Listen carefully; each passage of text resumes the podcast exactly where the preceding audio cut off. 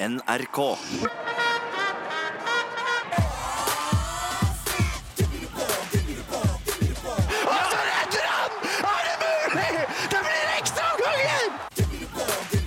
Timeout. En håndballpodkast fra NRK Sport. Sikringen har gått! Alt er tomt! NRK Sport. Ja, velkommen skal du være til eh, det jeg vil kalle en ganske annerledes episode. For eh, i dag så skal vi rett og slett ta et dypdykk i håndballhistorien. Vi skal snakke med en av våre jeg vil si gamle helter. Eh, Jeg tror ikke han blir sinna for det, for det er en liten stund siden han spilte håndball. Han er kanskje noe ukjent for den yngre garde, men hør på meg nå. Jeg garanterer at du etter i dag vil ha både lært å like han, og kanskje fått et lite innblikk i hvor mye håndballverden faktisk har forandret seg. Er du klar for å lære, le og lytte? Ja? Hallo? Nei da, jeg vet jo ikke du får eh, svart meg, selvfølgelig, men eh, vi bare kjører på. NRK Sport. Dagens gjest har hele 201 landskamper for Norge og 302 mål. På håndballbanen fikk han mange kallenavn. Panser, Maskinen, Muren, Monstertrucken og Bulldoseren bør gi deg noe innblikk i hva slags spiller han var. Han har spilt i både Norge og Tyskland, men bor i dag på Bjåbakk utenfor Arendal. Ja da, som i sangen Bjåbakk. C-a-n-i Bjåbakk. Ja, det blir det siste av sang fra meg. Det lover jeg. Det er uansett lite bibelbeltehistorier det går i. Han var kanskje den beste på byen før han ble den beste i byen.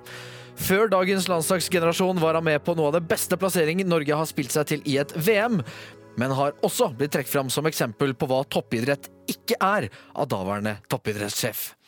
Han har spilt håndball i dongerishorts, han hater å løpe, han elsker bratwurst, han har flust av medaljer han ikke vet hvor er, og han har skåret 15 mål i én kamp. Med andre ord, dette er en mann som leverer både på og utenfor banen.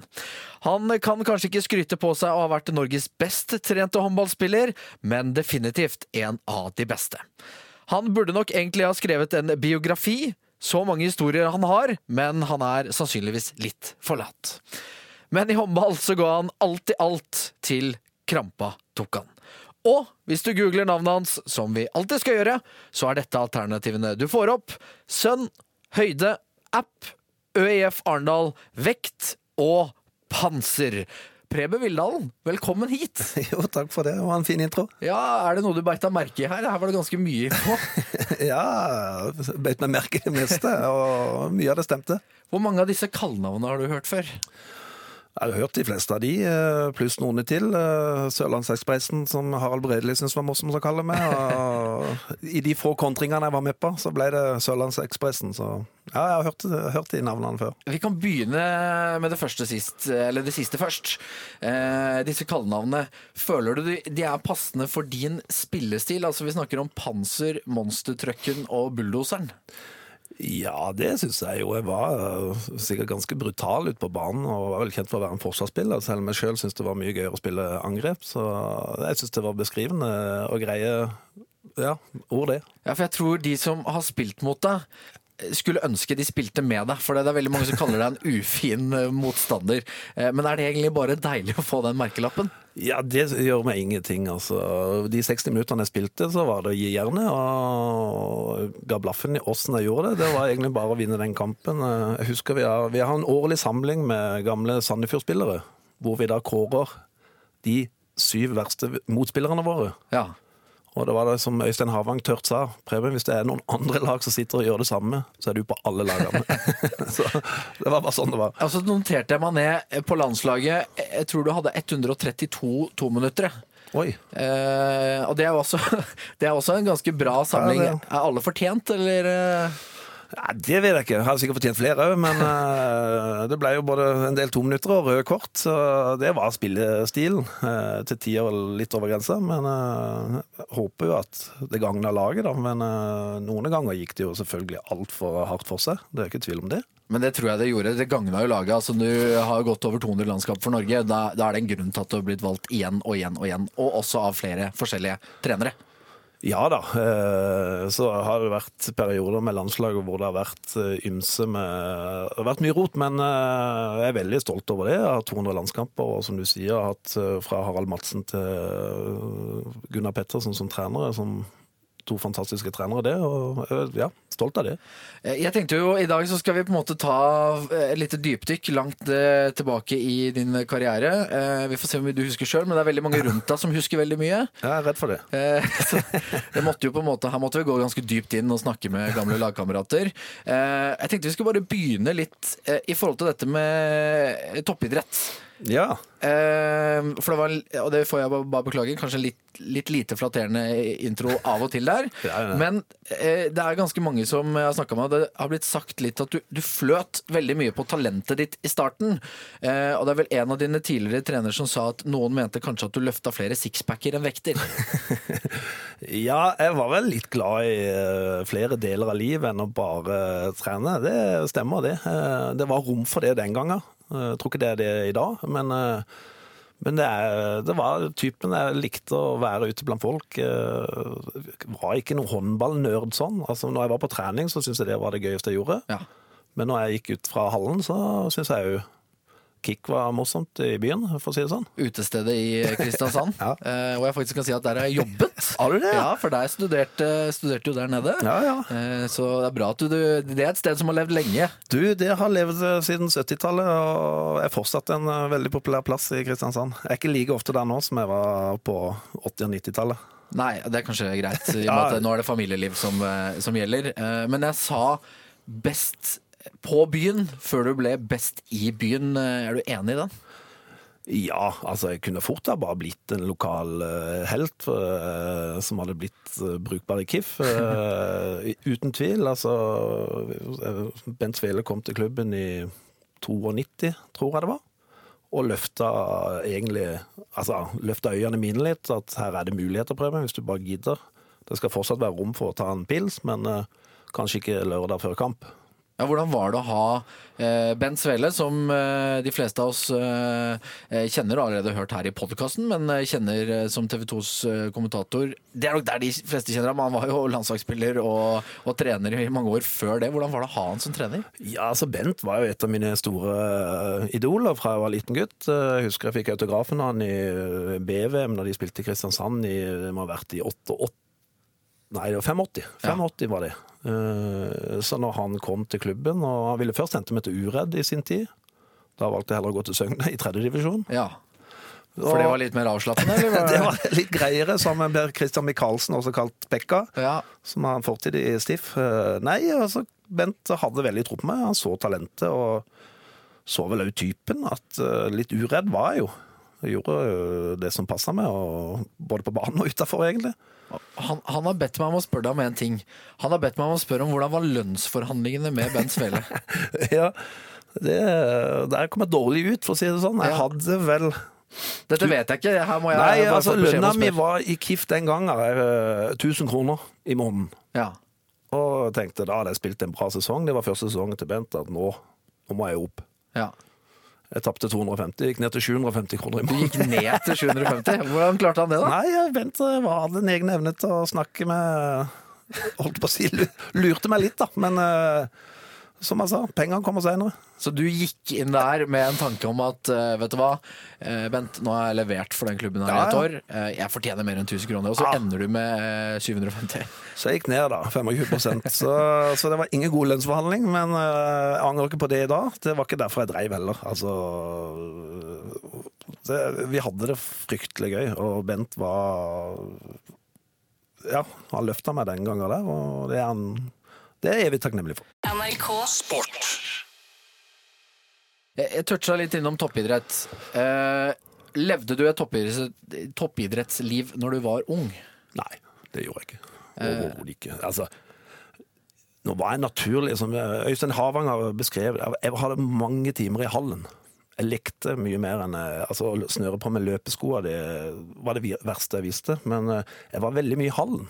Jeg kunne vært syv timer i hallen og lekt, spilte basketball, eh, volleyball, hva det skulle være.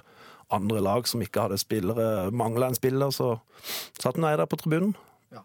Så jeg, jeg har hatt mer enn de naturlige greiene, da. Jeg ikke likt å gå i treningsbua eller øh, snøre på med løpesko. Det, det var jeg ikke god på. Nei, Det skal vi snakke om litt senere. Ja. Eh, Regnet med det. ja, for det er et par historier som har kommet der òg. Men Uff. det er verdt å merke seg at eh, dette er jo ikke noe jeg bare har funnet på, eller at uh, på en måte vi skal ta liksom kanskje den siden av deg ved håndballsiden som kanskje ikke var den beste. For toppidrettssjefen på det tidspunktet, Børge Stensbøl, eh, brukte jo omtrent deg som et eksempel i en tale på hva toppidrett ikke er.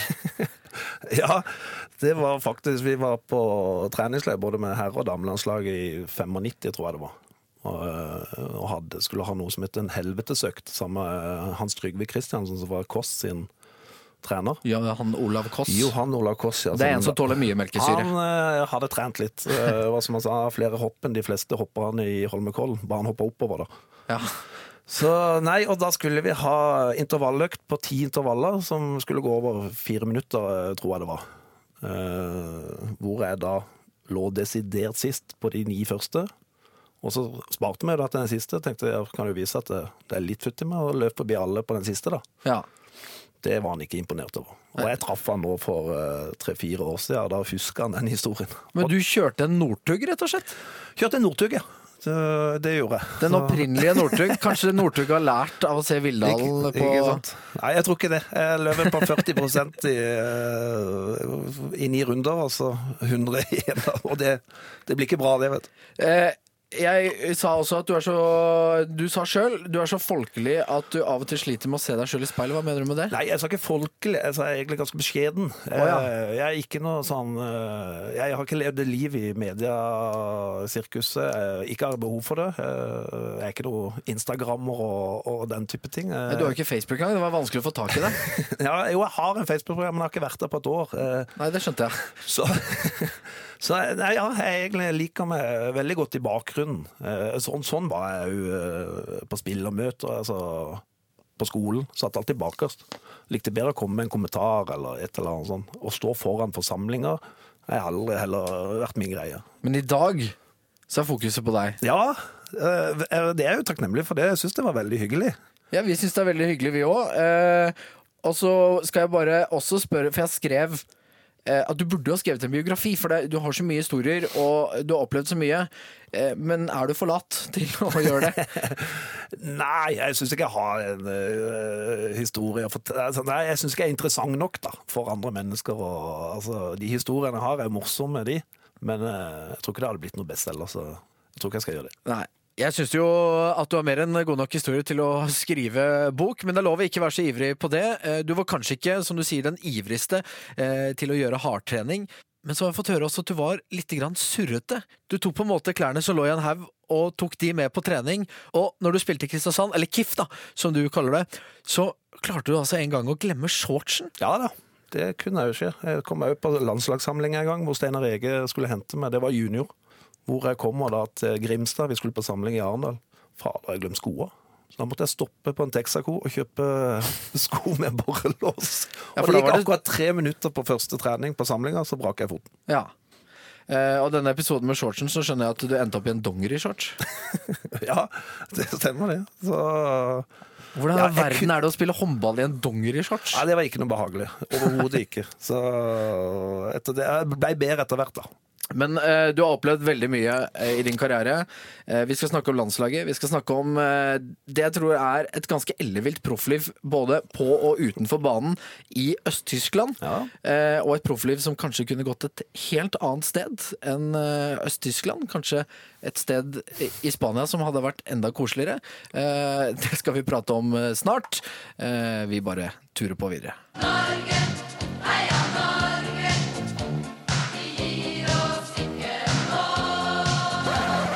Terningkast på denne låta, som ble en landeplage. Eh, Legendelåt. Eh, Hørte mye på den, faktisk. Ja, det gjorde det. Ja, ja, ja. Syns det var stas, det med de jentene der. Men eh, det ble ikke noe sånn veldig mange låter fra dere. Det ble mye mer fra damesiden. Du, 97 lagde vi faktisk låt til VM i Japan. Hingstene kommer. Hingstene kommer. Skrevet av Johannes Joner. Og gjett. Gjett da om prøven. Jeg har selvfølgelig klart å finne fram den. Nei! Ta ansvar, gutter, gjør det nå. Ta ansvar, gjør det dere må. Vi vet dere vil, vi vet dere kan. Vi synger av.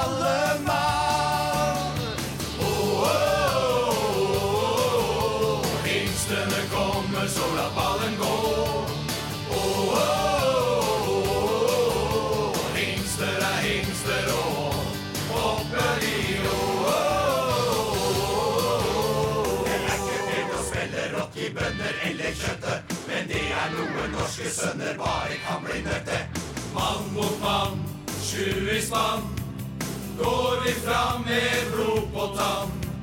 Vi skal fighte, vi skal slåss, for hingstene er oss. Åh, åh,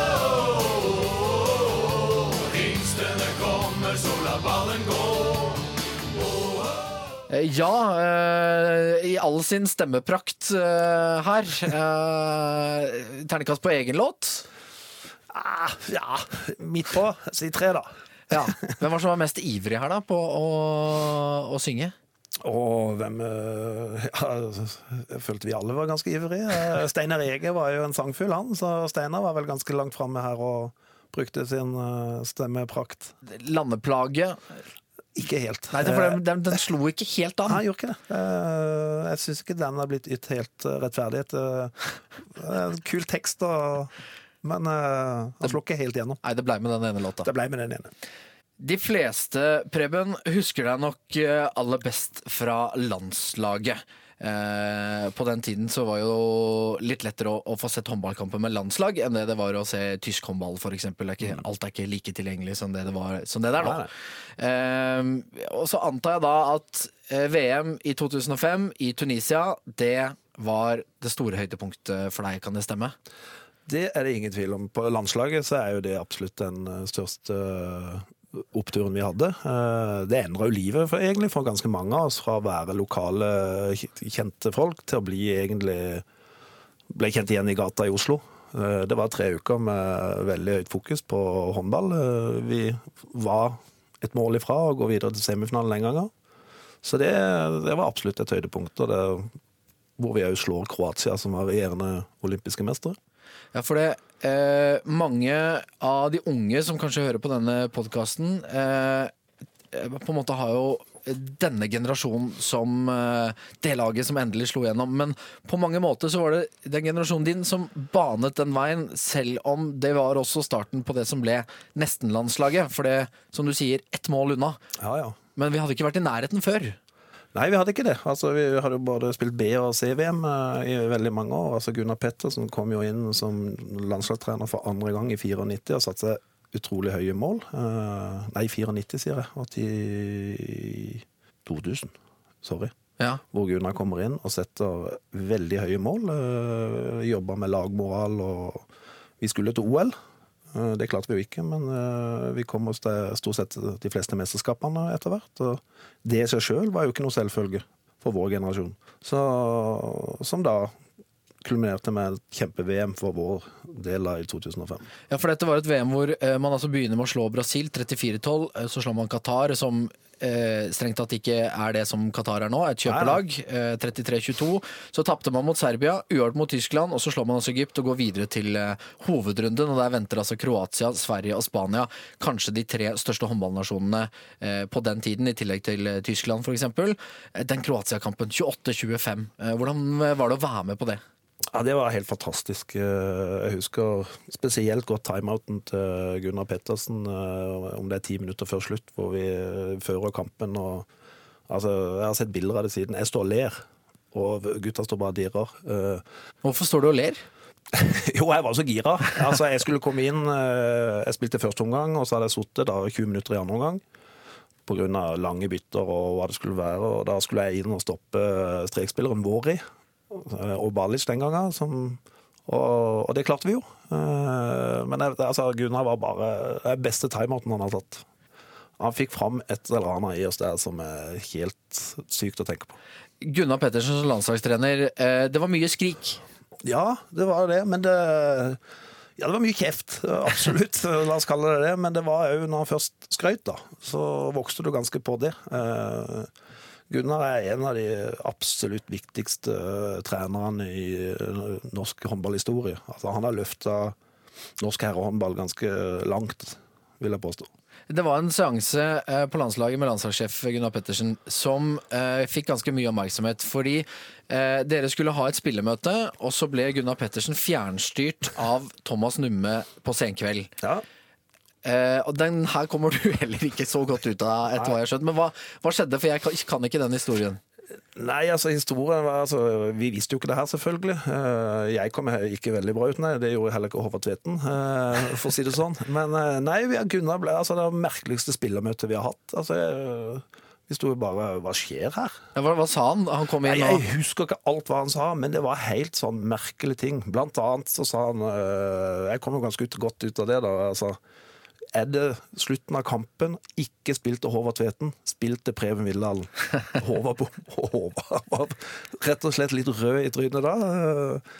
Nei, altså vi ble tatt helt på senga, men vi klarte jo å snu det rundt da, og ta det mot Gunnar og si ja, det kan du se, og gal vi syns du er egentlig. Altså, vi trodde det var et vanlig spill med. Så den måneden det ble sendt, så reiste vi jo mye rundt eh, i Norge og spilte kamper, og Gunnar lo, folk lo jo av meg, da.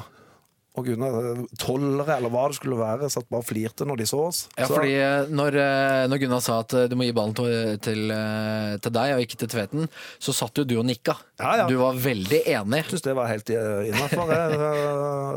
Så det, sånn er det. NRK Sport. Hva tror du er forskjellene mellom ditt landslag og den generasjonen som er nå, og hvorfor slår de gjennom mens dere var veldig nære? Nei, det, det er jo selvfølgelig mange grunner til det, men uh, nå ser jeg jo bare landslaget utenifra i dag. Selv om jeg har en nevø som er innom landslaget, Herman Gabriel Vildalen, som spiller uh, Men det, det som slår meg, det er den roen de har. Uh, jeg så det sist nå mot i en landskamp her hvor de ligger ganske tydelig under, men det er likevel en ro der som gjør bare at ja, men gutter, vi vet at det her kommer. De jobber på og er et lag med stor L. Eh, De unner hverandre masse suksess. Altså, jeg var altfor egoistisk sjøl i min tid. Altså, det var nesten sånn du håpte nå håper jeg han som spiller foran meg, bommer, så jeg kan komme inn. Altså, det er jo en helt øh, Jeg tipper mange hånd, håndballspillere og fotballspillere har hatt det sånn. Altså. Ja, det er nok mange som kjenner seg igjen i den Ja, ja, og, og det er ikke noe, holdt på å si, noe galt. øh, Men jeg tror ikke du tar det steget. Vi klarte det i 2005. Hvor vi, øh, og da hadde vi jobba med det, og det skal Gunnar ha mye æren for. Vi fikk inn ekstern hjelp til å, å, å bli det teamet som vi ble, og, og var veldig nærme å slå helt gjennom. Eh, da, men da følte jeg virkelig at vi var et lag. Benken reisa seg når vi skårte. Altså, vi unna hverandre alt. Eh, tidligere så var det litt for mye albuer, og de skulle ut i proffliv. Og, og når jeg ser det i dag, jeg ser Berge òg på benken eh, Det er en ro som er bare helt imponerende. Så jeg nevnte med nevøen min, som har vært så heldig å få spille noen landskamper, han òg. Altså, jeg så første landskampen. altså han får lov å prøve seg. Altså Bommer han to ganger. Det er bare, altså, jeg tar deg ut det, når jeg føler at uh, du skader laget, holdt jeg på å si. Og, og, det, og så har de bare en enorm uh, Så har de selvfølgelig en lederstjerne i Sander Sagosen.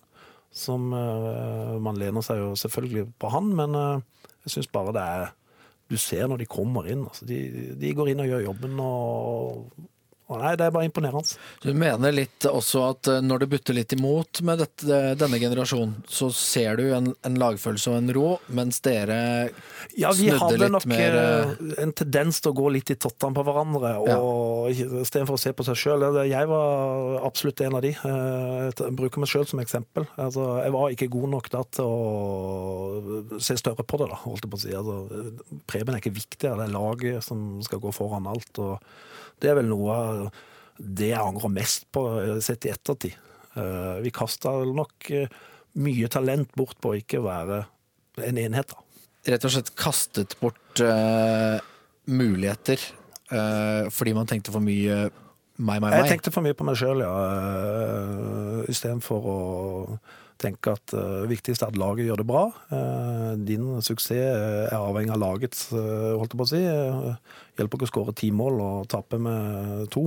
Eh, så jeg skal ikke si alle hadde Men vi var nok litt mer eh, i vår generasjon. Altså, som jeg sier, når det ble stressa situasjoner, så hadde vi ikke den roen som jeg ser de har i dag. Da. Og det- handler kanskje om at de nå endelig har slått igjennom. At de har fått den roen. Men jeg har sett det her i mange år, og Kristian Christian Berge er jo òg en fantastisk stabilisator der, da. Du, eh, var du overtroisk før eh, landskamper?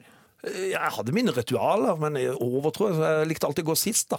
Sist ut av hallen. øh, På innløping være sist. øh, Hadde bare noen sånne små ritualer, men ikke veldig overtroisk. Du ville sist ut av garderoben, det var på en måte en viktig Ja, det var alltid. Jeg måtte alltid være sist. Og det pleide jo Gunnar å prøve å Ja, for det ble et problem, eh, nemlig.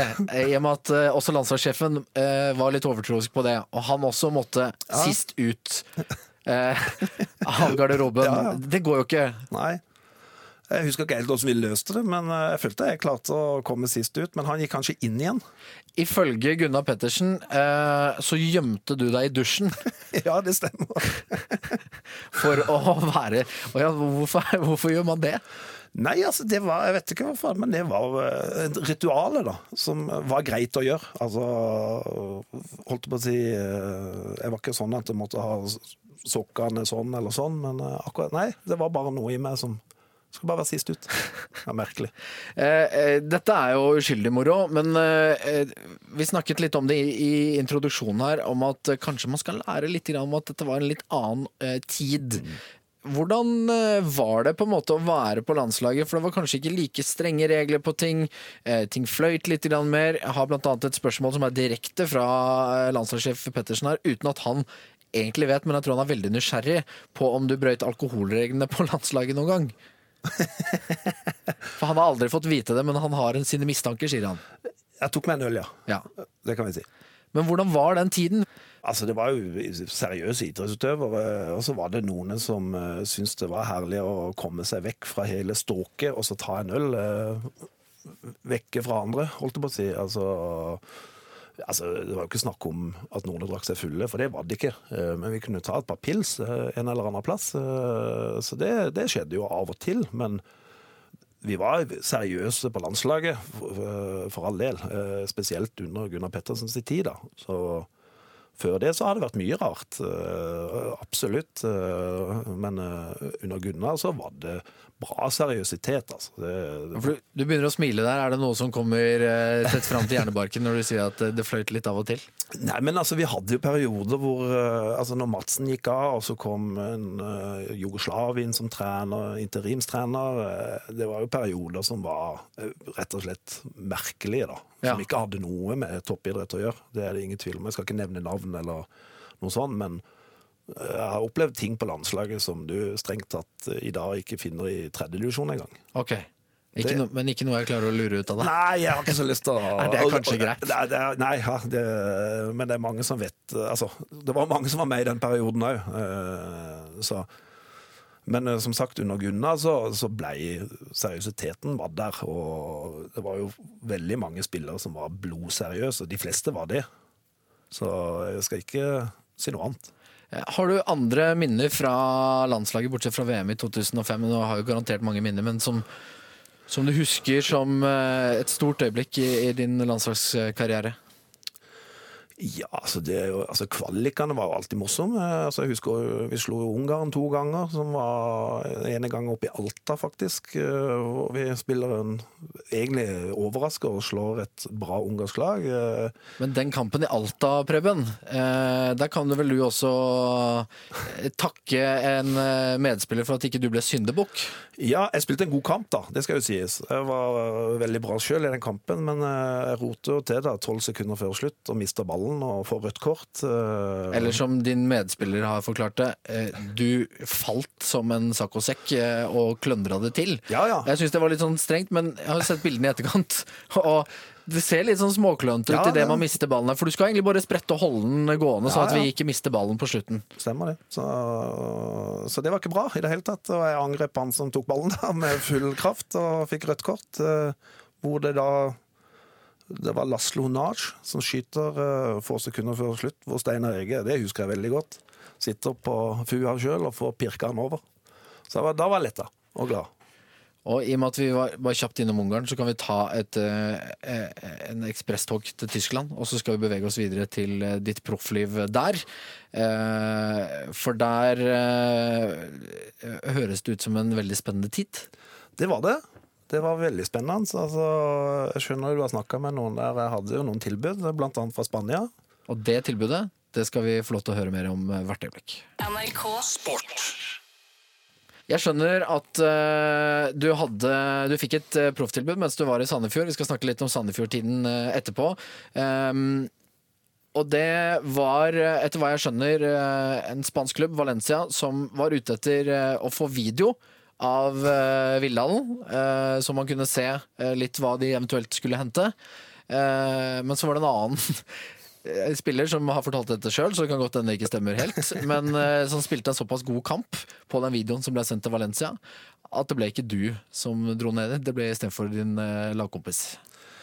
Ja, jeg regner med du sikter til Gunnar Fosseng, selvfølgelig, som har øh, vært i kulissene her. Ja, det stemmer det. Eh, Gunnar øh, Jeg mener jo at vi ble invitert ned, da. Hvor jeg satt med tilbud fra Eisner, i, som du sier, i gamle Øst-Tyskland. Og hadde mulighet til å reise ned og treffe de. Eh, ja, Gunnar har ledd mye av det. da Han sitt, satt nede i varmen mens jeg satt i Dunkel Deutschland, som han sa. Ja, I Øst-Tyskland. I Øst-Tyskland, ja. Eh, Men jeg angrer aldri på det valget. Altså, Bundesliga er det råeste. Altså publikumsmessig Det var verdens desidert beste liga den gangen. Jeg er jo fortsatt en av de beste ligaene. Eh, Så jeg angrer ikke på det, men det er klart eh, Jeg tenker jo av og til hvordan hadde det gått? Hadde vi hatt to år med Fosseng i Valencia? Det hadde ikke vært dumt, det heller. Ja, for det var et eller annet eh, En eller annen tanke som på en måte slår meg med det å, å, å se for meg deg nede i skogene i Øst-Tyskland og han langs Middelhavet i Valencia. Men du angra jo ikke i etterkant, men det frista litt, eller? Jeg frista litt i ettertid. Så ser jeg at det kunne vært deilig med et par år i Spania. Men eh, ja, den gangen så var det jo Vi hadde jo ikke mobiltelefoner engang. Altså Det var litt annerledes tid, altså måtte jo sende kort til hverandre omtrent, eller måtte ringe på fasttelefon. Så jeg fikk heldigvis ikke uh, fullt av snapper. Altså, vi hadde fått fasttelefon. Eh, Du trengte ikke postkort. Nei, vi hadde fasttelefon. Ja. Jeg er ikke så gammel. Nei. Så, nei da. Jeg, jeg, som sagt, jeg angrer ikke på valget mitt den gangen å dra til Eisner, som, uh, som var en veldig fin tid. Og her spilte du jo eh, med noen ganske sinnssyke spillere i sin tid. eh, både verdensmestere, OL-mestere, europamestere. Hvordan var det å være med den gjengen, og er det noen spesielle ting du husker der nede fra? Ja, altså, det tyske livet passa meg jo ganske greit. Eh, Vi hadde kjøleskap i garderoben med, med, med øl, da.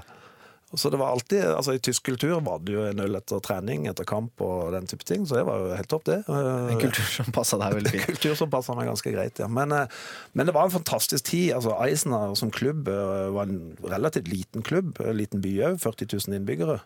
En veldig historisk by, blant annet, hvor Martin Luther skrev om uh, testamentet i Vartburg-slottet.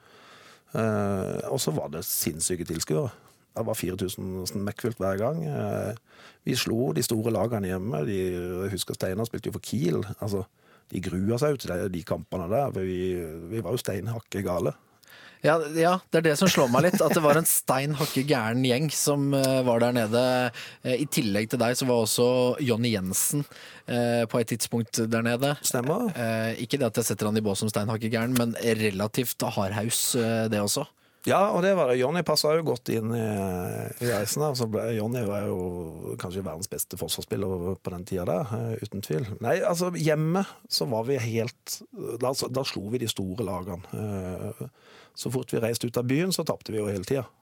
Det var, var et eller annet med østtyske mentaliteten, faktisk. De var litt sånn underdanige når de kom til vest. Og så nevnte du, eh, rett før vi gikk på, så du, du nevnte at det var en spiller du spilte med der nede. Ja, Sergej Pogorelov, som da ble olympisk mester i uh, Sydney i 2000 med Russland, uh, var en fantastisk håndballspiller. Men uh, hvis jeg var lat, så, så var, slo han meg, da. Ja, hvordan da?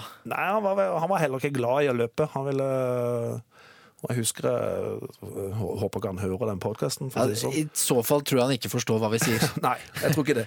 Jeg tror han bor i Spania. Men, eh, men jeg husker altså etter kamper Vi spilte ofte lørdag klokka åtte, og så var det løpetrening på morgenen klokka ti. Og løpet bak han, så lukta det russisk vodka, for å si det sånn. ja, vi var der, ja. Ja, ja. Ja, okay. Så han ble ofte observert på bensinstasjoner i firetida natt til søndag med og kjøpte en sixpack. da. Ja. Så det det var litt sånn eh, Men altså, samtidig som dere gjorde det, så presterte dere jo. Ja, vi gjorde det. Uh, vi gjorde den beste sesongen for Eisner uh, det ene året der. Da var Jonny òg der, uh, hvor vi kom midt på tabellen, tiendeplass eller noe sånt. Men som sagt, det å spille der, det var helt Altså, å løpe ut i den hallen er noe av det Det husker jeg ennå. Vi løp ut etter Final Countdown. Ja, Og, en god låt. Ja, god låt. Og, og det brølet som kom mot deg da, det, det kan jeg ennå kjenne på. Du, du var innom det litt i stad, for det, eh, det snakkes om i skjulte kanaler at Eisenach-garderoben eh, der var det, spesielt etter seier, så var det en nattklubbstemning. Ja, det var det. Det var helt uh, Når jeg tenker til etter nå, da. Ja. hvor jeg kom inn i garderoben, og og der var det jo kjøleskap med øl og det som og, og vann, selvfølgelig. Men inner, inne på doen, da, Ja. der satt manager, eh, daglig leder i klubben og elleve spillere og røykte. Ja, for det, det var det neste spørsmålet her. Eh, folk røyka seg ned etter kamp. Ja, ja. Eh, De satt rett og slett i fire timer etter kamp og drakk øl og røykte, altså. Er- ja. Du ble jo ganske lenge eh, i Eisenach. Eh, Fire sesonger. fire sesonger.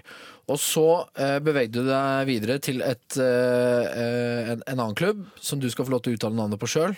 Post Schwerin. Ja, jeg var litt sånn usikker på eh, Ja. hvor tysk jeg skulle gjøre Det var jo uttalen. gamle eh, øst, da. Ja, altså, du, behold, altså, du trivdes jo tydeligvis veldig godt i Øst-Tyskland. Trivdes i øst. Uh, altså, det er jo tilfeldigheter, det, da. Men uh, ja, Porsverin var jo en uh, artig, artig tid. Absolutt. Vi spilte da første sesongen i andre Bundesliga og rykka opp da etter noe som kalles Das Wunder in Schwerin. Ja.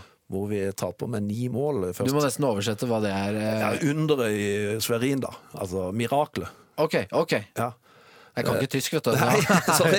Nei, hvor vi, det var en fantastisk periode, for det var jo Vi kom til VM òg. Det her var i 2004. Det var før Tunisia, hvor vi òg slår Ungarn i denne perioden. Og kommer oss til VM i 2005. Uh, og i første kampen Vi spilte borte mot uh, det som i dag er Der som Bjarte Myhrvold var. Uh, Krona av Østringen het det den gangen Ja. hvor de hadde en av største legendene, keeperlegendene som noen gang er tre ganger olympisk mester, eh, som heter Lavrov. Hvor vi taper med ni mål borte, og vinner med elleve hjemme. ja. Så det var artig. Det er Sed... se, se, Og da var Frank Løke eh, strek. Ja, for det er mitt eh, neste spørsmål. Du spilte altså med Jonny Jensen, eh, en hardhaus eh, i den, den første klubben i Og Frode Øst-Tyskland. Skeie sto i mål. Ja, og så får du altså eh, Frank Løke som lagkamerat i den andre. Eh, hvordan var det ikke bare å ha Frank Løke som lagkamerat, men ha Frank Løke som lagkamerat i Øst-Tyskland under de settingene der nede? Nei, det, Han var jo, ble jo megapopulær. Altså, da, da var Frank verdens beste strekspiller. øh, Angrepsstrekspiller. Mener han hadde 250 mål, øh, og 200 av de var vel innspill fra meg. Ja. Så, så vi hadde veldig god kjemi på banen med Frank, og Frank var jo et monster til å trene. Eh, Jeg hadde det mye gøy med han, han kunne jo ikke tysk. Så jeg sendte han jo av og til på treninger som ikke var der, og, Å ja. og hadde litt morsomt med han. da. ja, ikke sant. Men Frank var, da var han god, altså. Da var han, eh, så han ble veldig populær. Han, vi ble kalt Lille og store elgen, da. O- OK. Og han var den lille. Elgen. Ja, Kleine elg. Klein Elch. Eh, han har jo gått eh, en annen vei etter, etterpå. Eh, skal vi danse og eh, Action Frank. Action Frank. Eh, kjenner, du, kjenner du deg Er, er, det, er du overraska? Ja, det er jo, men eh, det er jo et valg han har tatt. eh, og, og han kjører det jo helt ut, han. Eh, Frank Det er masse bra i Frank. Ja, for han var fantastisk håndballspiller, og som spilte mm, noen vanvittige kamper, mesterskap for Norge. Eh, og som du sier, kanskje verdens beste strekspiller. Eh, men ut fra alle jeg også prater med, så, så var han en humørspreder også å ha med på, på landslaget. Det finnes jo noen historier derfra som er eh, Eh, Jeg har bare gode minner med Frank på landslaget. Altså, han var ekstremt god. Eh, altså, jeg husker vi, når vi trente forsvar. eh, da var det Jonny Jensen, Frode Hagen, Jan Thomas og meg eh, i Midtforsvaret. Jan Thomas Lauritzen. Jan Thomas Lauritzen, ja. En eh, legende. Og å spille mot Frank, og den gangen så kom jo Kjelling òg. Altså, da sleit vi. Ja. Det var, så, nei, Frank var helt fantastisk. For deg som sitter og hører på nå og tenker men hvem i all verden er alle disse Jan Thomas Lauritzen og alle disse. Ta Google det, så vil du forstå at uh, de er en ganske stor del av, uh, av håndballhistorien Det er de. uh, til Norge. Absolutt. Du, Preben, vi skal legge bak oss profflivet litt, og så skal vi snakke litt om hjemlige trakter. Kanskje den klubben som betyr aller mest eh, for deg eh, opp igjennom. Eh, jeg snakker om, om Sandefjord og, og tiden der nede. Mm. det gleder jeg meg veldig til å høre om. Ja. NRK Sandefjord ble klubben eh, i ditt hjerte, Preben, i tillegg til eh, din hjemmeklubb, både Kristiansand og- ØF Arendal. Men Sandefjord betydde veldig mye for deg. Du kom eh, dit eh, med vår gamle ekspert og landslagsspiller Øystein Havang som trener. Han hentet eh, deg til, eh, til Sandefjord. Og da, da skjønner jeg at det var en forhandling på toppidrettssenteret. Det var vel litt fram og tilbake der, hvor han hadde fått et mandat da, til å, med en viss sum. Eh, Jeg husker ikke helt åssen det var, men jeg husker iallfall vi ble enige på toppidrettssenteret. Vi bodde jo ofte der når vi var på samling. Så, så det var, jeg var fornøyd, det. Hva tjente man som håndballspiller på, på den tiden? Regner med at man eh, kunne jo ikke satse Altså Man måtte vel ha en inntekt ved siden av her? Ja, ja, ja. Det var ikke de, jeg skal ikke gå ut med summer, men det, var- det var ikke til å leve av, bare håndball. Men eh, det var helt greit. Eh, så hadde man jo jobb på sida, så det funka, det. Ja, men det blir jo tyngre på en eller annen måte med en gang. Vi snakker om toppidrettsutøvere som eh, Karsten Warholm var det første som kom inn i huet mitt nå, som, som på en måte eh, får den støtten og kan, kan leve og, og virkelig på en måte utøve idretten sin og bare legge all fokus på det. Skulle, skulle du ønske du hadde det sånn? Nei, ja, selvfølgelig. Det hadde vi jo i Tyskland. Så hadde vi jo sånn. Da levde det jo eh, kun for eh, å, å trene og spille håndball. Eh, Det er klart, det er vel en grunn til at mange gir seg på et visst tidspunkt. da, At det blir for tungt å kombinere familie, jobb og håndball. Altså Det kreves jo mye trening etter hvert for å ta de stegene man hadde ønska. Men vi var ikke vant til noe annet, så det, det var greit. Jeg husker vi hadde en diskusjon en gang på toppidrettssenteret, det òg, med Hans Trygve Kristiansen. Hvor da eh, vi hadde møte og skulle bli 20-timers utøveren, da. Hvor han ene på laget vårt, eh, altså landslaget, rekker opp hånda og sier ja, men da må vi ha mer penger. Ja. Hvor da Hans Trygve tørt sier tilbake det er gratis å løpe om morgenen. ja. Det er bare å stå før. Så han satte seg rolig ned der. Ja, for det var også en eh, eh, ting du for så vidt ikke var så glad i, løpetrening på morgenen. Nei, det var ikke generelt. altså Gunnar kjørte, innførte jo trening klokka seks om morgenen. Ja. Det er I Sandefjord. I Sandefjord, ja. Ja. Jeg var ikke spesielt eh, blid, altså. Det, det passer ikke kroppen min i det hele tatt. Eh, Det tror jeg jo ingen syntes var veldig stas å stå opp klokka fem. Jeg husker jeg måtte opp iallfall en time før og stå i dusjen. Før jeg gikk Ja, for å rett og, Rett og slett våkne og Passiv oppvarming. Ja, ja. eh. Så det var, det var jeg ikke glad i. Ja, Gunnar nevnte jo også For han syns jo du var en helt fantastisk håndballspiller, og han mener jo at du, du ble jo liksom du ble jo egentlig aldri sliten. Du bare, du, plutselig så hadde du mer krefter. Men han skjønte ikke helt hvor det kom fra. For eh, blant annet så hadde dere skytetrening hvor det skulle skytes fra én Jeg visste den kom. Ja, hva er dette for noe? Nei, altså vi har spesialskudd, da. Hvor uh, vingene altså går på runde. Så først skyter venstrekant, så venstre bekk, så midtbekk, så strek, så høyre bekk og høyre kant. Ikke sant? Og når jeg var ferdig med å skyte, så satte jeg meg på benken og så på Janne. Det syns Gunnar var altså, Jeg så han stå og kikka på. Er det med den der sørlendingen? Er han helt korka? Ja, For du trengte litt av pause mellom skudda? Måtte bare slappe av litt og se på hva de andre gjorde. Altså, det likte han dårlig. Ja, for Gunnar, eh, når jeg snakka med han, det var kanskje det jeg beit meg merke mest i. At han var sånn Jeg har aldri vært borti en spiller eh, som kommer og eh, må ta pauser mellom disse skuddene. Og da, da hadde han vært fly forbanna. Ja ja. Det var han stadig vekk på med det, så det, så det var greit. Nei, men jeg, han pelte jo det av etter hvert, selvfølgelig. Men jeg syns det var helt naturlig. Og Istedenfor å stå bare og henge, så kunne jeg sette meg der på benken og se hva de andre gjorde. Men du leverte jo eh, så til de grader i Sandefjord. Eh, Det var en seiersmaskin som vi kan nesten sammenligne med nyere tid Larvik eh, håndball for, på damesiden. Eller Vipers som, som holder på nå, kanskje tatt det hegemoniet. Største minnene her fra, fra Sandefjord-tida?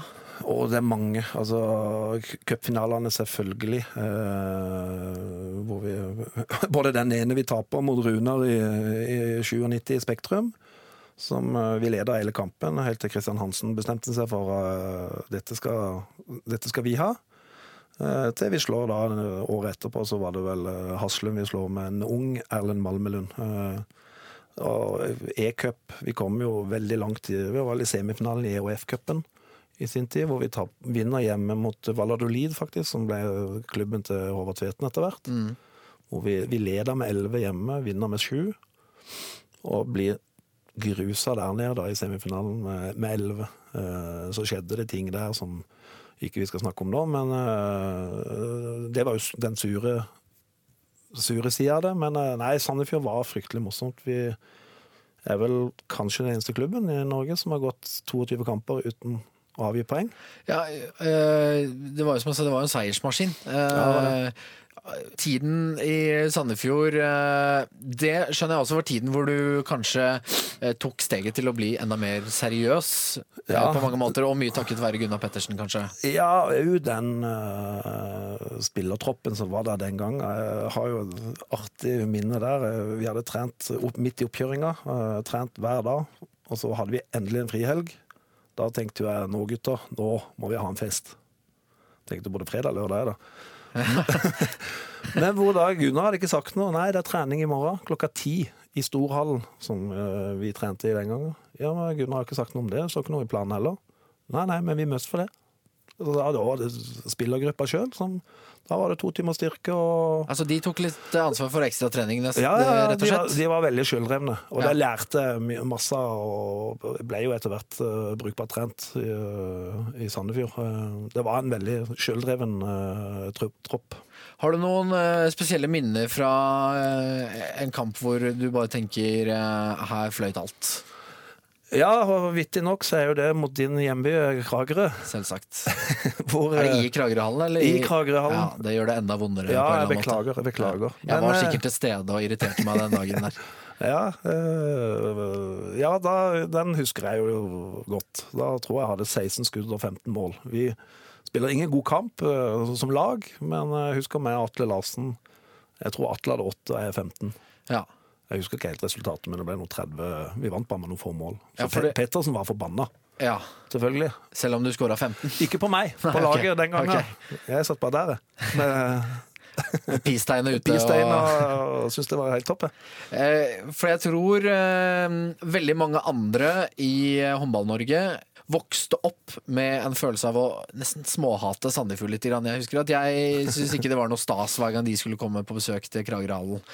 For dere var altfor gode. Ja, vi hadde et fantastisk lag, og den generasjonen, 72-generasjonen fra Sandefjord, eh, var jo veldig god med Atle Larsen, Jonny Jensen, Geir Rostorp eh, ble jo landslagsspiller hele gjengen. Og da med Norges beste trener, Gunnar. Så ja, vi var veldig gode. Og de henta jo òg da, altså blant annet Simen Muffetangen eh, har vært innom, og de henta jo de beste. Så den gangen var det hadde vi en god sponsor. Vi skal eh, snart eh, inn og, og høre litt eh, om vår faste spalte, Min håndballfamilie. Som eh, du skal få lov til å plukke ut noen eh, lagspillere eh, som du skal få lov til å ha med deg. Men jeg har lyst til å touche innom en ting som Og nå har vi beveget oss egentlig helt til omtrent nåtid. For jeg registrerte for noen år tilbake Du, du trente jo sønnen din i august Ja. i, i veldig mange år. Ja.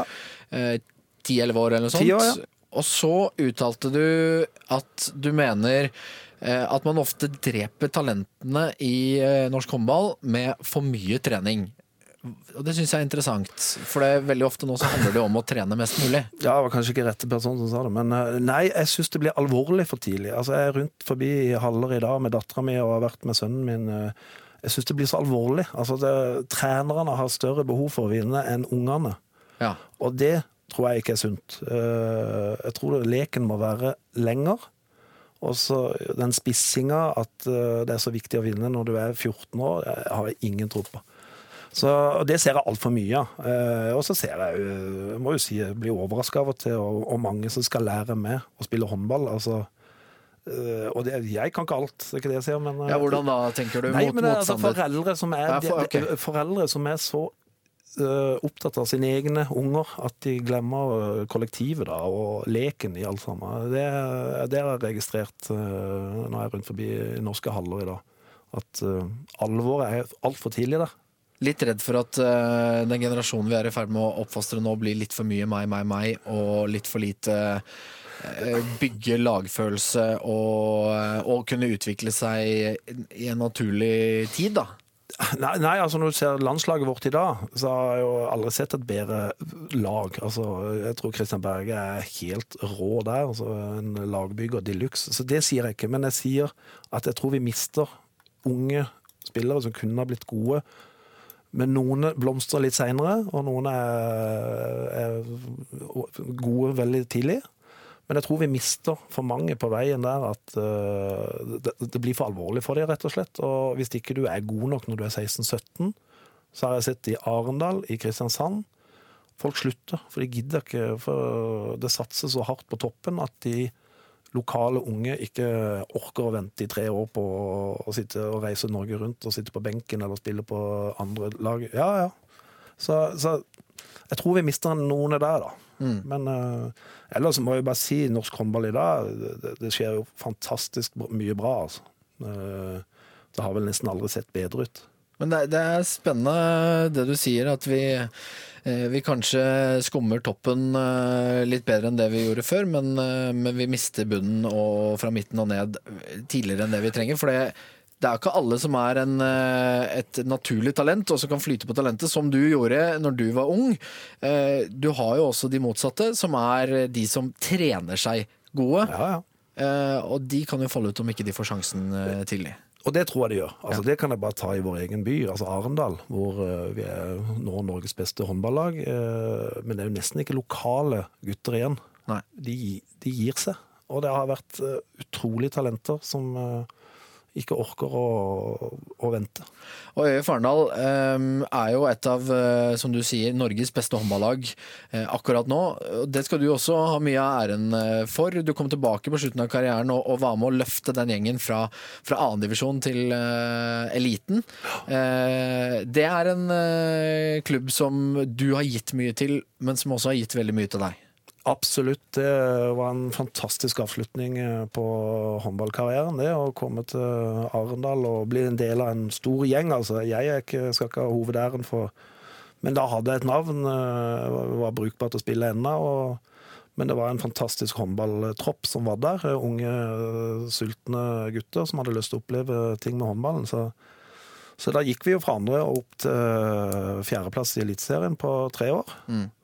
Samme, ja, men som sagt, det var mange. Altså, vi hadde noen sponsorer som uh, syntes dette var kjempespennende. Uh. Men ikke bare gjorde dere det og kom opp til fjerdeplassen i Eliteserien, men dere har klart å holde dere etterpå. Og det er det jo ikke alle klubber som har uh, klart å holde på de verdiene som da ble innført i den perioden. Nei, det, med, det ble jo bygd en fantastisk arena uh, pga. at vi tok det steget. Altså, den gamle arenaen var Nedeneshallen, ble, ble ikke godkjent som uh, eliteseriearena. så da beslutta kommunen å bygge en helt ny hall, som er en fantastisk eh, hall i dag. og Nei, Jeg er jo veldig imponert over hva de har fått til i ettertid. Altså. Det, det, er virkelig morsomt å se på. Og nå har jo Sørlandet blitt et maktsentrum for uh, norsk topphåndball.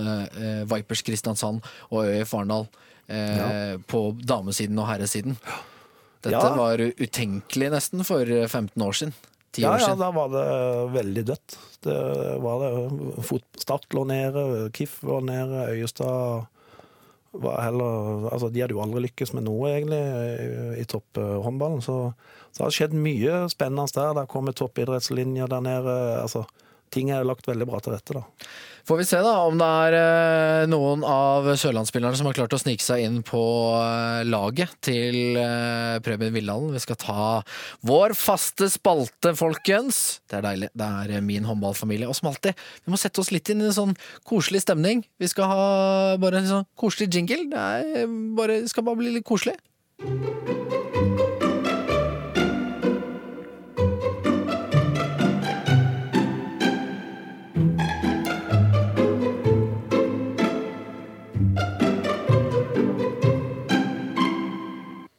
Ja, det var det. Det var det. Hva syns du? Ja, Veldig bra. Er Koselig. Koselig, ja. ja Kan jula komme, og ja, er, vinteren og pledder. Ja, ja, det er litt sånn julefølelse. Ja, det er det. Eh, så vi, vi, skal ikke slippe den helt ennå. Det er deilig å kjenne litt på den eh, ennå. Absolutt.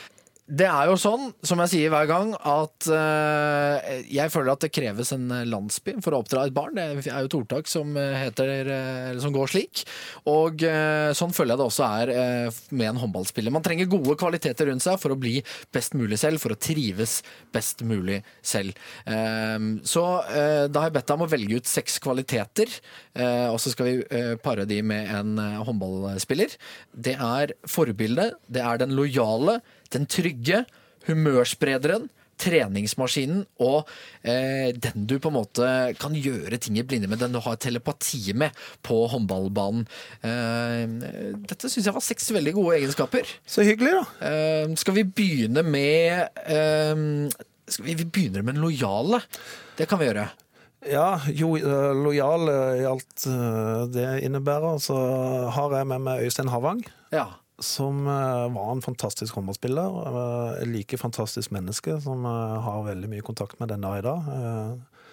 Har gode verdier og Ja, så, så Øystein er for meg lojal venn og var en lojal spiller på, på banen. Og en relativt eh, god håndballspiller med eh, veldig mange landskamper og veldig mange mål. Dette var en som eh, i sin generasjon kan beskrives som eh, altså nesten sin generasjon Sander Sagåsen. Han var en fryktelig god håndballspiller. Ja, han var helt fantastisk. Og, eh, han kunne ha passa til mange her. altså En treningsmaskin. eh, altså Han var jo Han og Roger Kjendalen var tidlig ute med altså De dro til Tyskland, og den gangen altså, var det kun lov å ha én utlending på tyske lag. Ja. Så, så de var jo litt sånn pionerer. Ja.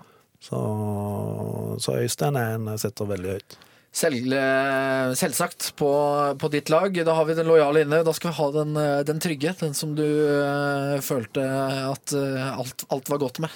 Ja, altså den trygge har jeg faktisk Steinar Ege, som jeg bodde på rommet i 13 år. Og det er jo òg i kraft at han var en av verdens desidert beste keepere. Ja.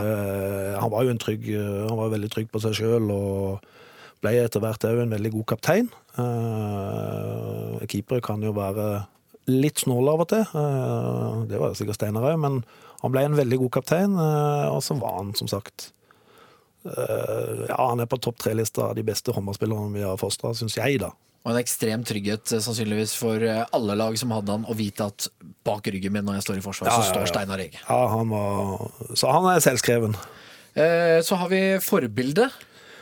Ja, og der vil jeg nevne Jan Thomas Lauritzen, som vi var innom i stad. Altså, har vel 250 landskamper. Eh, han var et utrolig snilt menneske. Eh, Det var aldri noe tull med Jan Thomas. Eh, ja, et godt forbilde for unge. Stillferdig fyr som Ja, som jeg har bare godt å si om. Og i sin tid eh, For det nå har vi flust av de, skeivhendte høyrebekker. Men eh, han, han var den vi hadde. Ja, han var det. På den tiden. og fikk jo egentlig urettferdig øh, mye pepper, syns jeg, mange ganger. Altså, som du sier, han sto ganske ofte alene. Mm. Men han var jo en vanvittig god forsvarsspiller i tillegg. øh, Gjorde jobben, rett og slett. øh, En treners drøm. Så trenger vi å få inn eh, litt humør her, eh, Preben. Eh, Du, du bidrar med litt humør på dette laget du også, men vi, vi skal ha inn en humørspreder allikevel. Ja, var, det, den, var, den var klinkeklar, og det er jo Sven Erik Bjerkreim. Nok en keiven spiller. Uh, var en fantastisk god håndballspiller, men altså, jeg, kan, jeg kan sitte den dag i dag, en hel dag, bare høre på han. Han ler like godt av sine egne fortellinger og historier, som jeg har hørt 100 ganger.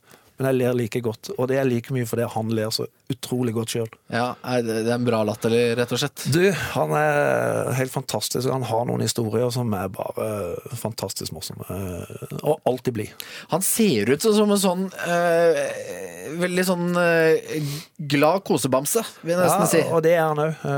altså, først og fremst en fantastisk håndballspiller, selvfølgelig, men uh, han var helt fantastisk. Jeg tror ikke han var sur én gang, altså. Og hvis du hører på, eh, Henrik, så eh, kan jeg nevne at eh, veldig ofte på, eh, på mandager så går vi forbi hverandre i en eh, hall i Oslo. Du vet ikke hvem jeg er, men jeg vet veldig godt hvem du er. Og nå, nå har jeg enda en grunn til å vite at eh, dette er en bra mann. Dette Ja, det er, Svein Erik er en fantastisk, fantastisk mann. Og har vært flink etter håndballkarrieren. Og han var jo en kremmer. Og så en gang òg. Det er ikke mange som har kjøpt 100 T-skjorter på stranda i alle kanter for å selge videre når du kommer hjem. Det gjorde han, da. Hva sto det på Hva slags T-skjorte var det? Nei, jeg tror bare de var helt hvite, men han mente at han hadde fått de så billige, da. Ja. At uh, disse kunne han tjene ti kroner på når han kom hjem. Og sånn var han. Nei, fantastisk fyr. Så skal vi ha inn eh, treningsmaskinen i eh, ditt lag. Eh, Jeg kjenner Øystein Havang godt, så det kunne like gjerne vært han. Men eh, han er allerede inne, så treningsmaskin. Det kunne vært mange, som jeg nevnte i stad, med Sandefjord, så var, var det veldig mange som var treningsmaskiner. Men det første som slår meg, er jo Jonny Jensen. Ja, selvsagt. Som eh, jeg har stått i forsvar med i veldig mange år, men han var en overseriøs, veldig seriøs idrettsutøver som trente Altså, han var jo gjennomtrent overalt. Altså, en fantastisk eh, forbilde når det gjelder trening. Og i dag blitt en uh, eliteserietrener, og han ble kalt håndballgud i Flensburg. eh, så nei, Jonny må vi ha med. Ja, det, det er en annen som kan Du kan få lov til å dele kallenavnet Panser eller Bulldoseren. Ja. det, Der er det mye muskler. Ja, der er det mye muskler. Eh, Da er det én spiller igjen, og det er den som du følte at du kunne gjøre ting i blinde med. Den som du har eh, omtrent best telepati med på en håndballbane. Hvem er det vi velger da? Ja, sikkert litt overraskende, men det er faktisk Frank Løke. Det er Frank Løke, ja. Ja, som jeg spilte med både i Tyskland og på landslag. Altså, det var ikke bare meg som hadde det med han, for det var jo egentlig bare å hive ballen inn så fikk han tak i han. Men eh, vi hadde et godt samspill i Tyskland i, i noen år, og òg på landslaget, så Frank var enkel å spille med. Og en følelse som jeg skjønner du sitter litt med, er jo at han eh, kanskje ikke får nå nok kred for så god han var, at han, at han blir husket for litt andre ting. Ja, for eh, det tror jeg Gunnar Pettersen òg kan skrive under på. Altså, I de, starten av 2000-tallet så var han verdens beste strekspiller Eh, framover. Så han var helt rå, og så har han gjort litt andre sprell etterpå som han nok bli huska bedre for, ja. Ja. Dessverre. Men eh, for en håndballspiller Frank Løke var. Og så skal jo du inn eh, som den syvende spilleren på, på dette laget og bidra. Og det du tar med deg, er jo eh, en vinnerskalle av dimensjoner. Du tar med deg eh, noen forsvarsegenskaper som jeg tror de færreste eh, har lyst til å møte. Du tar med deg et relativt eh, godt skudd, og så tar du med deg eh, humøret som eh, jeg tror smitter over på eh, alle du spiller med. Så da er laget komplett. Det var veldig hyggelig. Ja, men det tror jeg stemmer ganske bra. Så tar du sikkert med deg et par bratwurst Uh, Ja, i ja, selvfølgelig. Det Viktig, Det viktig å bidra til middagen. Mat på oss må vi ha. Ja, ja, ja. Uh, Så skal du få lov til å velge til noen uh, innbyttere. Ja. Som eh, skal få lov til å komme inn og, og briljere når dere blir slitne. Ja. Eh, og her fikk du lov til å velge fra når som helst i håndballhistorien, nåtid eller gammeltid, Ja. eller hva som helst. Hvem er det du har tatt med da? Du, da har jeg jo tatt med Balic. Han må jeg jo bare ha med. Eh, Etter mitt skjønn kanskje verdens uh, tidenes beste håndballspiller. Eh, han var fantastisk morsom å se på. Eh, ikke alltid like gøy å spille mot. Eh, det gikk fort i svingene, men han, eh, han var bare helt fantastisk. Ivano Balic, altså fra Kroatia. Eh, Du er ikke den første som har tatt med ham på laget. Bare så det er klart. Eh, Flere innbyttere. Du, og så har jeg tatt med meg Kjelling. Christian Kjelling. Christian Kjelling var med. Han kunne gå inn og avgjøre de fleste kamper. Altså et skuddrepertoar som eh, jeg sjelden har sett. Eh, fantastisk håndballspiller og er jo en fin fyr. Eh, så han kunne ha tatt over litt når jeg ble sliten etter fem-seks minutter. Det begynner å lukte svidd av den benken der nå. Ivano Ja. Balic, Christian Kjelling. Nestemann er så har jeg tatt med nåtidens store stjerne, og det er jo Sander Sargosen. for en benk dette er nå. Det begynner Ja, begynner å ligne. Jeg tror de kunne ha gjort det ganske greit. Ja. Så nei, Sargosen må jeg bare si. altså han er kanskje tidens beste norske håndballspiller allerede. Hva han gjør, eh, er bare helt rått å se på. Det er jo en idrettsskalle som eh, vi i Norge på håndballsida ikke har sett maken til, tror jeg. Nei, det, det, det er eh, ikke mange som kommer nærme, for å si det sånn. Nei, det, det, er, det er ikke. Så, så, så han må være med. Og den fjerde på benken din. Du, da har jeg med meg Simen Muffetangen. Ja, det er eh, Kragerø-gutten som skal inn. Ja, Simen har jeg jo spilt eh, sammen med og mot eh, fra jeg var liten gutt. Eh, fantastisk håndballspiller. Altså framover på banen. Er, han er på Sander Sagosen-nivå. Eh, kunne spille alle posisjoner. eh, var god med strek. Det var helt fantastisk. Ja, for det er vel det som eh, veldig mange har nevnt, er at Og som vi sikkert gjentar litt nå, til det kjedsommelige, men det er det nærmeste vi har hatt en, en Sander Sagosen i Simen Mofetangen, men som vi kanskje aldri fikk se det fulle potensialet til pga. skader og, og sånne ting som gjorde at eh, Vi vet kanskje ikke hvor, hvor god han er, men vi snakket om det i stad, Preben.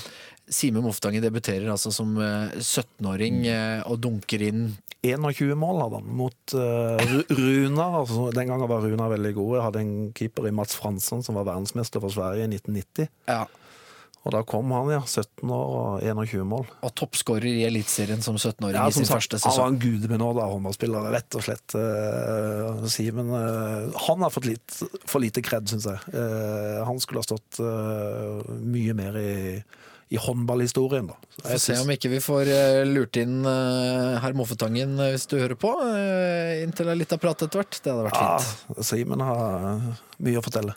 Eh, Da er laget ditt komplett, men eh, vi må ha en trener som skal styre dette laget. Eh, Hvem er det som får gleden av å styre kanskje tidenes innbytterbenk, i hvert fall? Du, jeg har to. Jeg har Gunnar Pettersen, selvskreven, og Bent Svele. To mennesker som har betydd mye for meg. Bent er jo fortsatt jobber jeg med, og er en veldig, veldig god venn av meg. eh, Som betydde mye for håndballkarrieren, og samme er Gunnar. Eh, Mange som husker Gunnar som eh, en skrikete bølle, bøll omtrent, men han var egentlig en veldig snill og god mann, og som sagt betydde mye for meg, og var en kjempetrener, altså uten tvil. En av tidenes beste håndballtrenere i Norge. Da gjenstår det egentlig bare én ting, Preben, og det er at vi skal ha et eh, navn på dette laget som skal opp og konkurrere mot alle de andre lagene som er blitt tatt ut her i min håndballfamilie. Ja, der har jeg vært eh, helt enkelt. Altså, det heter Team Dunga. Dunga var brasilsk eh, fotballspiller som ble verdensmester i 94. Jeg har en kamerat som vi kaller Dunga. Peder Langfeldt, eh, nå sportssjef i Vipers, eller var det fram til i år. Han kom med en Dunga-drakt i 94 på trening i Kristiansand. Og ble bare kalt Dunga siden. Og, så da var det helt naturlig navn. Så han blir, han ble maskot, da. Han ble maskot. Han blir maskot. Du, det er bra. eh, Preben, vi eh, skal runde av. Eh, Har du kost deg? Veldig, og setter veldig pris på at jeg fikk lov å komme. Det syns jeg var stas. Så tusen takk for at jeg ville ha med. Og vi har syntes det har vært veldig stas, vi også. Har du en spesiell måte du sier ha det på? Nei. Nei. hadde. Hadde. Hadde. Hadde. Litt sånn sørlandsk. Hadde. Hadde. Ja vel. Ja, ja vel. Ja vel. Du, tusen takk for at du er med. Vi skal uh, avslutte med uh, Torbjørn Bergerud sin redning. Et av de største øyeblikkene. Vi har hørt det før, og nå hører vi det igjen. Takk for nå. Vi høres igjen neste uke. Slatko Horvat kan sende Kroatia til VM-finale, eller Bergerud!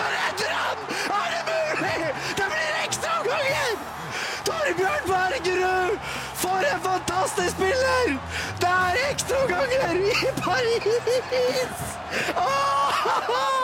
Sikringen har gått! Alt er tomt! Men Norge skal spille ekstraomganger! Er det mulig? Torbjørn Bergerud! Åh!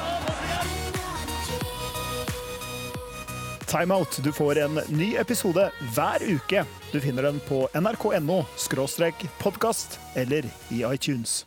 NRK Sport. NRK Sport.